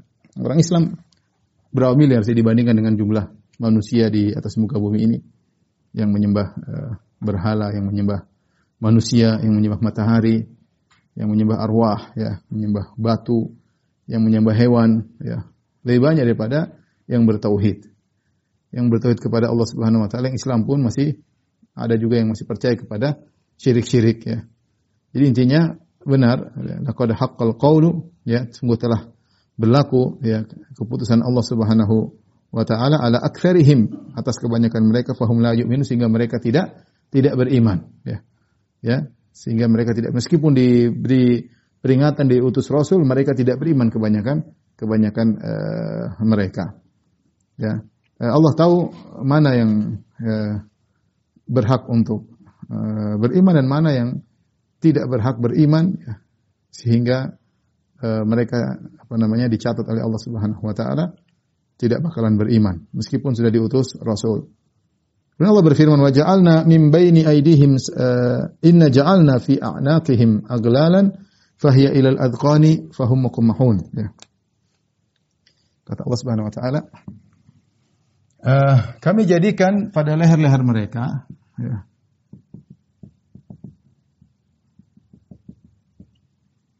pada leher-leher mereka aglalan belenggu, ya, belenggu-belenggu. Fahya ilal adqani maka belenggu tersebut uh, apa namanya uh, ter terkumpulkan pada leher pada zakan apa terjemahannya dagu di sini Iya, dagu benar. Terkumpulkan pada dagu mereka.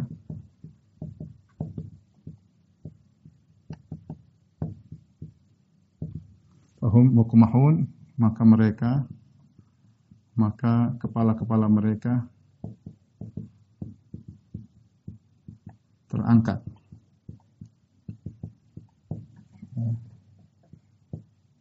Baik. Di sini Allah Subhanahu wa taala menjelaskan Kenapa mereka tidak mau beriman? Allah meng, uh, menyebutkan mereka dengan bagaimana hati mereka seperti kondisi uh, dengan misal yang hissi, ya, suatu perumpamaan yang nyata. Padahal Allah sedang berbicara tentang hati mereka. Kata Allah, kami jadikan, kami jelas maksudnya adalah Allah, ya. Ini biasa dalam bahasa Arab, bahasa kita juga untuk pengagungan, ya, untuk takzim, pengagungan. Sehingga memakai uh, kata ganti jamak. Plural ya. Kami padahal Allah esa. Fi a'naqihim kami jadikan dari leher mereka aglalan belenggu. Belenggu aglal jamak dari gul gulun gulun adalah belenggu yang diletakkan di leher dan Para ahli tafsir mengatakan tidak tidaklah disebut ghul tidak disebut dengan al-ghul kecuali uh, menggabungkan antara antara leher dan tangan. Kalau belenggu yang hanya di leher saja atau belenggu yang di tangan saja, dalam bahasa Arab tidak disebut dengan gul, tidak disebut dengan aglal. Kapan dikatakan aglal? Jika tangan seperti ini atau satu atau dua-duanya diletakkan terus dikasih ikatan di leher belenggu besi, ah, itu baru disebut dengan gul dalam bahasa Arab. Ya. Allah gambarkan bagaimana kondisi mereka. Fahiyya ilal adqan, maka belenggu-belenggu tersebut. Hiya di sini juga ada dua pendapat di kalangan para ulama. Hiya di sini ada yang mengatakan belenggu, ada yang mengatakan tangan. Tapi Allah alam bisawab, tangan tidak disebutkan dalam ayat ini ya. Sehingga lebih cocok maksudnya adalah belenggu. Maka belenggu-belenggu tersebut ilal adqan ini zakan. Ini pertemuan antara dua rahang namanya zakan. Jadi kedua tangan mereka diletakkan begini. Jadi dipaksa letakkan diikat dengan besi. Kalau bayangkan besi masuk sini berarti kan kepala pasti terangkat. Itu maksudnya mereka dikatakan fahum mukumahun. Mukumahun maksudnya kepala mereka terangkat begini. Jadi tidak begini. Kalau gini sulit untuk mengikat dengan leher.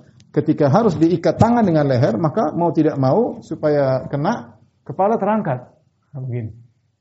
Jadi fahum mukumahun dengan rafi'ina ru'usahum atau marfu'una ru'usuhum yaitu kepala mereka terangkat. Allah menggambarkan bagaimana mereka tidak mau melihat kebenaran. Karena sudah nggak bisa gerak, hati mereka sudah mati, ghafilun, hati mereka sudah mati, tangan nggak bisa gerak.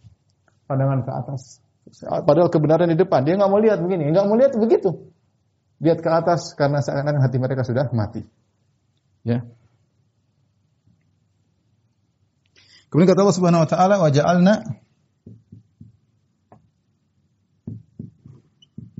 min baina aydihim saddan wa min khalfihim saddan faghshaynahum la yubsirun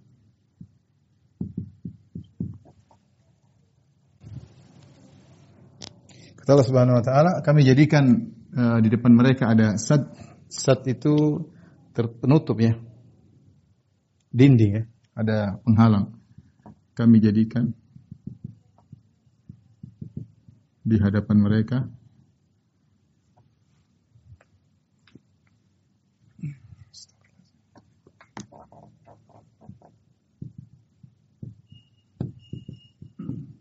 uh, dinding atau nutup sad ya dinding ya, dinding Kemudian wa min khalfihim saddan di belakang mereka. Mereka juga dinding. Fa'akshaynahum kami tutup mereka, mata mereka.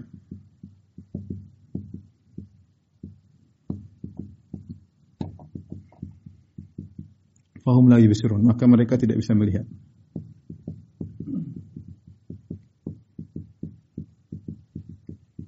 Ini uh, sekali lagi saya bilang ini perumpamaan tentang hati mereka, tapi Allah permisalkan dengan suatu yang hisi, suatu yang biar kita gambarkan orang ini seperti apa kalau begini ya. Berarti kan Inna ja'alna fi anaqim aglalan. Kami jadikan benggul-benggul. Sini tanwin untuk ta'zim ya. Ini bukan sembarang belenggu. Di ta'zim tanwin untuk ta'zim. Tanwin untuk tafkhim yaitu belenggu yang dahsyat. ya, uh,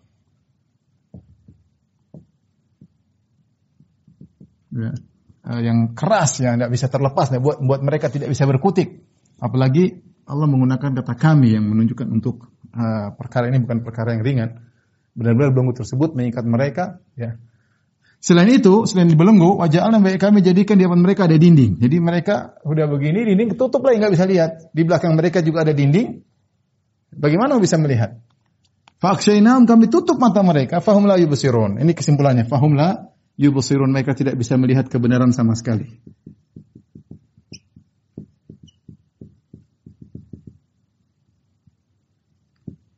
Kebenaran sama sekali. Ini uh, kondisi, bayangkan kondisi orang seperti ini. Coba kita bayangkan ada orang di gelenggu begini, melihat ke atas, depannya dinding, padahal kebenaran depan. Kalaupun dia bisa lihat ke depan, ada dinding depan. Apalagi kepalanya ke atas, gimana mau lihat? Dia nggak bisa bergerak ke kanan ke kiri kenapa? Dibelenggu. Tangannya nggak bisa bergerak.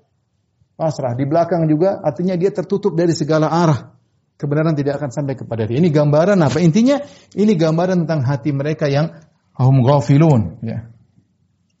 Ini semua adalah perumpamaan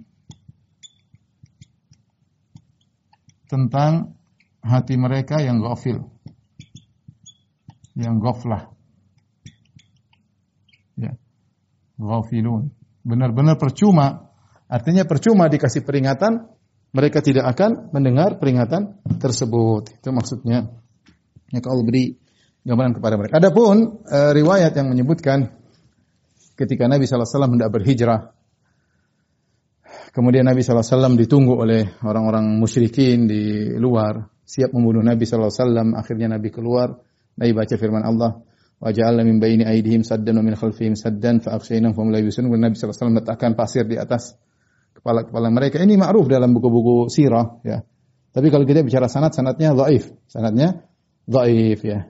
Karena kalau kita baca juga tentang surat Yasin ini Allah tidak sedang berbicara tentang kejadian uh, tersebut apalagi surat Yasin adalah surat Makkiyah uh, turun sebelum Nabi berhijrah. Sementara itu peristiwa ketika Nabi akan berhijrah.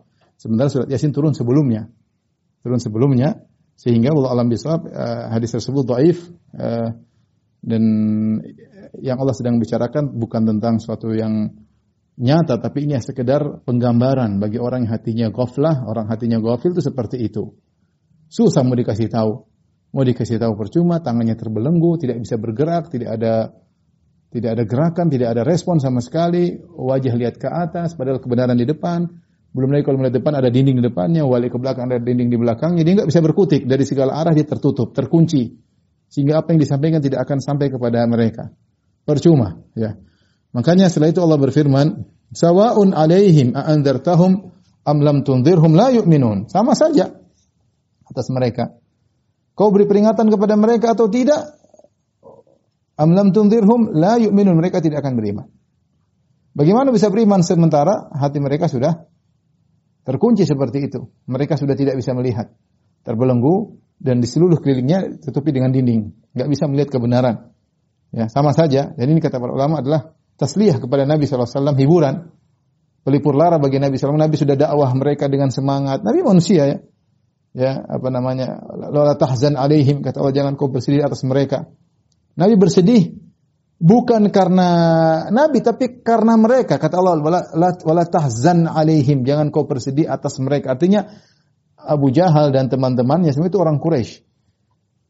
Dari pun punya hubungan kerabat dengan Nabi Shallallahu Alaihi Wasallam. Meskipun mereka dari Bani Makhzum, Nabi dari Bani Hashim, tapi mereka terkumpul pada kabilah besar namanya Quraisy. Yang mereka adalah penguasa kota Mekah. Bani Makhzum sama Bani Hashim. Ya. Ketika orang-orang Quraisy tidak beriman, maka Nabi bersedih. Nabi bersedih. Tapi Allah mengatakan, Allah tahzan alim. Jangan bersedih atas mereka. Ya, mereka memang tidak bakalan beriman. Maka Allah gambarkan bagaimana kondisi hati mereka ya seperti itu. Seperti orang terbelenggu lihat ke atas, depan dinding, belakang dinding, kanan dinding, kiri dinding. Percuma mengharapkan mereka beriman. Sehingga Nabi ketika berdakwah mereka tidak beriman, ya sudah. Allah sudah kasih tahu, ya sabar saja. Ya, sabar saja.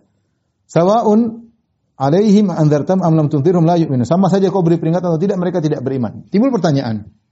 Allah menyatakan kepada Nabi, sama saja kau beri peringatan atau tidak, mereka tidak akan beriman. Pertanyaannya, apakah Nabi tetap beri peringatan? Ataukah mereka, Nabi berhenti setelah tahu mereka tidak bakalan beriman? Jawabannya Allah alam bisa Nabi tetap berdakwah. Nabi tetap beri peringatan meskipun mereka tidak bakalan beriman. Untuk apa? Untuk menegakkan hujah. Untuk menegakkan hujah. Oleh karena dia khilaf di kalangan para ulama. Kalau kita berdakwah kita tahu tidak akan diterima, apakah kita terus berdakwah atau tidak? Fadzakir in nafa'ati dzikra. Mereka khilaf tentang ayat tersebut. Kata Allah berilah peringatan kalau bermanfaat. Seakan-akan mafhum mukhalafahnya dalam surat Al-A'la, "Fadzakir inna fa'ati dzikra" Berilah peringatan, uh, ingatkanlah kalau bermanfaat peringatan tersebut. Seakan-akan mafhum mukhalafahnya kalau tidak bermanfaat ya enggak usah. Ya. Ada dua pendapat di kalangan para ulama. Ada yang mengatakan tetap disampaikan. Ya, untuk menegakkan hujah kepada mereka dan tetap bermanfaat untuk memberi peringatan kepada diri sendiri. Kalaupun mereka tidak mau mendengar, ada umat yang lain yang mungkin mendengar. Ada kaum yang lain mungkin apa? uh, mendengar ya. ya. Uh, lima lima lima ta'iduna qauman illahu muhlikum aw mu'adzib adzaban syadidan qalu ma'dziratan ila rabbikum Ya. Seperti dalam kisah uh, apa namanya ashabul qaryah, orang-orang yang tinggal di pinggir, di pinggir pantai ya, yang tinggal orang-orang Yahudi yang mereka melakukan pelanggaran as, ashabus sabt ya. Ya'duna fi sabti itatihim haitanuhum yang Allah sebutkan surat Al-A'raf. Ketika mereka melakukan pelanggaran ya kemudian buat hilah sehingga akhirnya mereka menangkap ikan pada hari Sabtu pada Allah larang. Akhirnya setelah itu ada tiga kelompok yang terjadi. Kelompok pertama kelompok yang beri peringatan. Kelompok kedua kelompok yang melanggar. Kelompok ketiga dia tidak beri peringatan. Allah sebutkan tiga kelompok. Kelompok ketiga, jadi kelompok pertama yang beri peringatan. Kelompok kedua yang melanggar, yang diberi peringatan. Kelompok ketiga yang diam aja nonton tidak beri peringatan. Ketika kelompok pertama beri peringatan, kelompok yang ketiga bertanya, "Lima ta'iduna qaumanillahu muhlikuhum au mu'adzim adzaban syadida?" Kenapa kalian beri wejangan kepada mereka? Percuma Allah akan adab mereka. Apa jawaban kelompok pertama? Qalu ma'dziratan ila rabbikum. Sebagai uzur di hadapan Rabb kalian. Artinya ya sudah kita menegakkan hujah. Punya uzur kenapa kita tidak pernah mungkar ya. Kalau alam bisa pendapat yang mengatakan meskipun tidak ada manfaatnya kita sampaikan meskipun mereka tidak beriman. Sebagaimana Nabi Shallallahu Alaihi Wasallam ya uh, Nabi Allah mengatakan fatawalla anhum fama anta bimalum ber, berpalinglah engkau dari mereka. Tapi Nabi tak peringatan artinya ya sudahlah mereka meskipun tidak mau beriman tetap Nabi kasih tahu sebagai penegakan hujah dan ini yang kita kalau baca sirah Nabi Alaihi Wasallam Nabi terus berdakwah. Sampai Nabi terusir dari kota Mekah. Dakwah tidak pernah putus Meskipun Allah telah kabarkan bahwasanya mereka orang Quraisy ini tidak bakalan beriman, tapi Nabi terus berdakwah sallallahu alaihi wasallam dalil bahwasanya ketika Allah mengatakan sawaun alaihim anzartum am lam tudhirhum la yu'minun sama saja kau beri peringatan atau tidak mereka tidak bakalan beriman. Bukan berarti Allah menyuruh Nabi tidak beri peringatan tidak. Tapi lanjutkan tapi perlu kau ingat kalau tidak berhasil sabar. Karena mereka sudah ditetapkan demikian tidak akan beriman. Jadi ini hiburan bagi Nabi sallallahu alaihi wasallam. Nabi terus menyampaikan meskipun mereka tidak beriman Allah berfirman, "Innama tunziru man ittaba'a dzikra wa khasyiyar rahmana bil ghaib. Fabashshirhu bimaghfiratin wa ajrin karim." Innama tunzir, sungguhnya peringatan yang bermanfaat, innama tunzir, ini maksudnya peringatan yang bermanfaat, hanyalah peringatan bermanfaat itu man ittaba'a dzikra yang mengikuti Al-Qur'an. Al-Qur'an disebut dengan dzikr ya. Karena dia memberi apa? Uh, menyebutkan peringatan, menyebut kisah-kisah umat terdahulu, yang menyebut tentang hari akhirat, menyebutkan tentang umat-umat uh, yang uh, hikayat apa namanya kisah-kisah umat-umat terdahulu yang dibinasakan oleh Allah Subhanahu wa taala menyebut tentang uh, bagaimana kesudahan orang-orang baik penghuni neraka maupun penghuni surga dan banyak zikir zikir dalam Al-Qur'an banyak sekali. Zikir tentang uh, kisah-kisah para nabi ya ujangan-ujangan. Innama uh, tunziru man ittaba'a dzikra. Hanya saja peringatan tersebut bermanfaat bagi orang yang mengikuti Al-Qur'an wa khasyiyar rahmana bil ghaib dan mengikuti eh, dan takut kepada Allah dalam kondisi gaib ya, tidak terlihat. Fabashirhu bimaghfiratin wa ajrin karim. Maka berilah peringatan uh, beri kabar gembira kepadanya ya bimaghfiratin dengan ampunan Allah Subhanahu wa taala ya wa ajrin karim dengan ganjaran yang uh, yang mulia ya. Perhatikan di sini. Allah mengatakan innama tunziru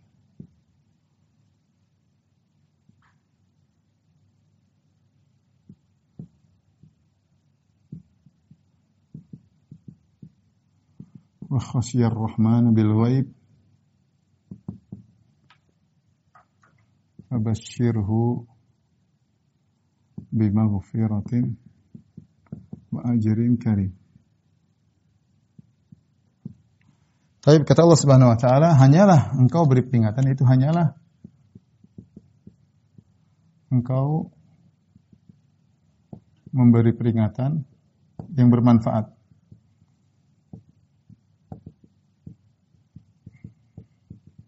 Didengar maksudnya oleh siapa? Manitaba dzikra yang ikut Al-Qur'an. Wa khasyiyar rahmana bil ghaib dan takut kepada kepada Ar-Rahman ketika tidak terlihat. Bil ghaib ya, bil ghaib. Tidak terlihat di sini ada khilaf di kalangan para ulama. Apa maksudnya? Ada beberapa penafsiran tidak terlihat. Maksudnya ada khilaf. Tapi ini khilaf tanawu, khilaf tanawu ya. Uh, khilaf maksudnya bil ghaib uh, maksudnya uh, takut kepada Allah meski Allah tidak kelihatan.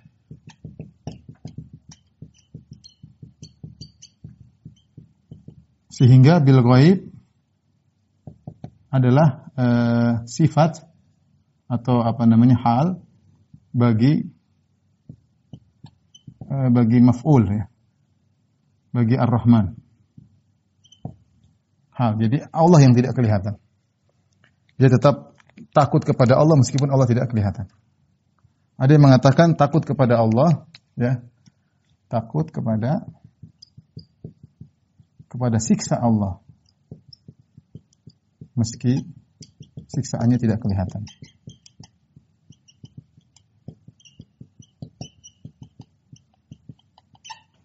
Ada yang mengatakan bil ghaib maksudnya hal dari fa'il. Bil ghaib takut uh, takut kepada Allah meski dia sendirian. Tidak ada yang lihat. Ini berarti apa namanya bil ghaib hal dari al-fa'il. Hal dari fa'il.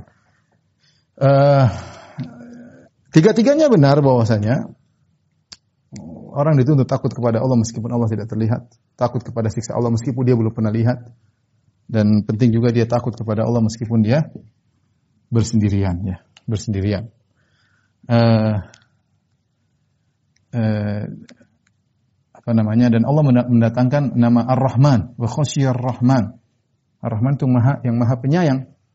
Ya, yang maha penyayang bahwasanya uh, meskipun kau takut kepada Allah Subhanahu wa taala ya tidak lain karena itu demi uh, rahmat bagimu, demi kebaikan bagimu. Ketakutanmu itu mendatangkan rahmat ya uh, kepadamu. Semakin engkau takut, semakin rahmat datang kepadamu ya. Sini kata Ar-Rahman, takut kepada Ar-Rahman. Kata para ulama, semakin kau takut kepada Allah tatkala sendirian semakin rahmat Allah turun kepadamu.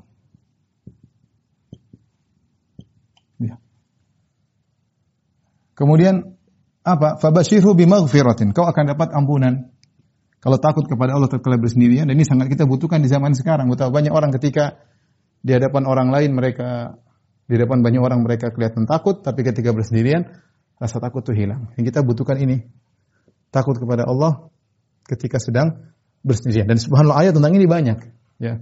Uzlifatil jannatu lil muttaqina ghairu ba'id hadza ma tu'adu likulli awabin hafiz man khasyiyar rahmana bil ghaib wa ja'a bi qalbi munib. Bahwasanya didekatkan surga Uh, tidak tidak jauh ya. Untuk siapa surga tersebut? Di antaranya kata Allah man khasyiyar rahmana bil ghaib.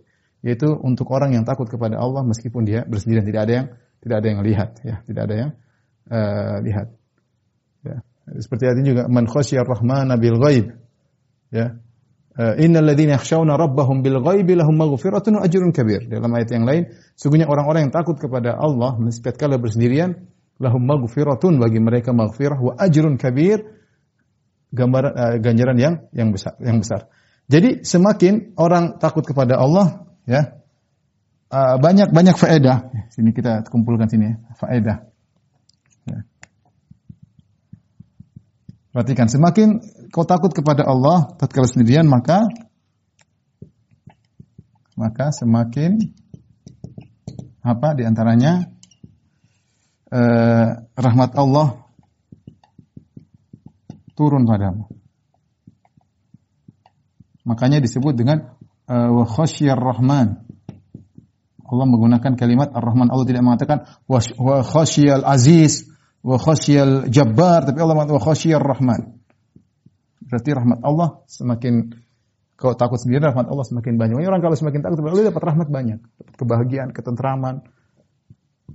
Dan yakinlah hal tersebut. Maka latih diri kita untuk takut kepada Allah tatkala sendirian meskipun tidak ada yang lihat. Meskipun tidak ada yang lihat. Kemudian di antaranya eh, dapat apa? Maghfirah.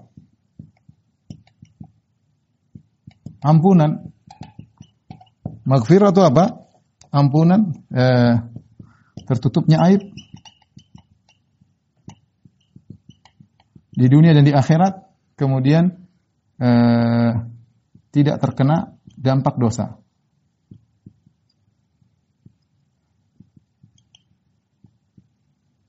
Tidak terkena dampak dampak dosa. Kemudian di antaranya ajrun karim. Allah mengatakan ajrun karim. Karim ganjaran yang mulia. Karim itu nafis, yang bagus. Hajarun karim, batu yang uh, yang baik, bukan bukan sembarang upah, bukan sembarang ganjaran yang Allah kasih ganjaran yang baik, yang terbaik. Makanya Nabi mengatakan wa iyyaka wa karaima amwalihim. Kalau kalian mengambil zakat, hati-hati jangan mengambil onta yang paling bagus, kambing yang paling bagus disebut dengan karim itu terbaik yang baik. Jadi ganjarannya bukan ganjaran sembarang tapi ganjaran yang terbaik. Dalam ayat yang lain juga kata Allah Subhanahu wa taala, ajrun kabir. Ganjaran yang besar. Dan satu lagi faedah bahwasanya kalau kita takut kepada Allah tatkala bersendirian, kita mudah mengambil faedah dari Al-Qur'an, mudah menerima peringatan. Ini yang penting sekali. Kenapa hati kita terkadang sulit dikasih peringatan, dibaca Al-Quran, kita tidak uh, uh, terenyuh ya. Karena kita mungkin tidak melakukan hal ini. Karena di sini Allah mengatakan inna tunziru man ittaba'a dzikra wa khasyir rahman. Sungguhnya kau hanya beri peringatan yang bermanfaat bagi siapa yang mengikuti Al-Qur'an dan takut kepada Ar-Rahman ketika dia bersendirian. Ketika dia bersendirian dia mudah menerima peringatan. Allah Subhanahu wa taala berfirman semisal ayat ini firman Allah Subhanahu wa taala wattaqullah wa yu'allimukumullah. Kata Allah bertakwalah kepada Allah insya Allah mengajarkan engkau. Ya. Kalau kita bertakwa kepada Allah, terutama kalau sendirian, maka Allah akan mengajarkan. Ketakwa sungguhnya tatkala bersendirian. Kalau takwa di depan banyak orang semua bisa. Tapi kalau bersendirian bertakwa itu yang hebat. Maka kalau orang bertakwa Allah akan ajarkan ilmu kepadanya. Demikian juga surat Al-Furqan, ya ayyuhalladzina amanu in tattaqullah yaj'al lakum furqana. Kalau kalian takut kepada Allah, bertakwa kepada Allah, maka Allah akan berikan kalian furqan, pembeda, pembeda antara hak dan batil. Jadi ini fungsi kalau seorang uh, bertakwa kepada Allah Subhanahu wa taala, terutama ketika bersendirian, maka dia akan mendapatkan banyak faedah. Maka nasihat kepada diri saya pribadi dan juga kepada para pemirsa roja, ingat ketika kita bersendirian depan kita, depan kita ingin melakukan melampiaskan syahwat kita, ingin melihat apa yang kita inginkan, atau kita meluput terluput dari ganjaran gini begitu banyak ini. Sayang ya.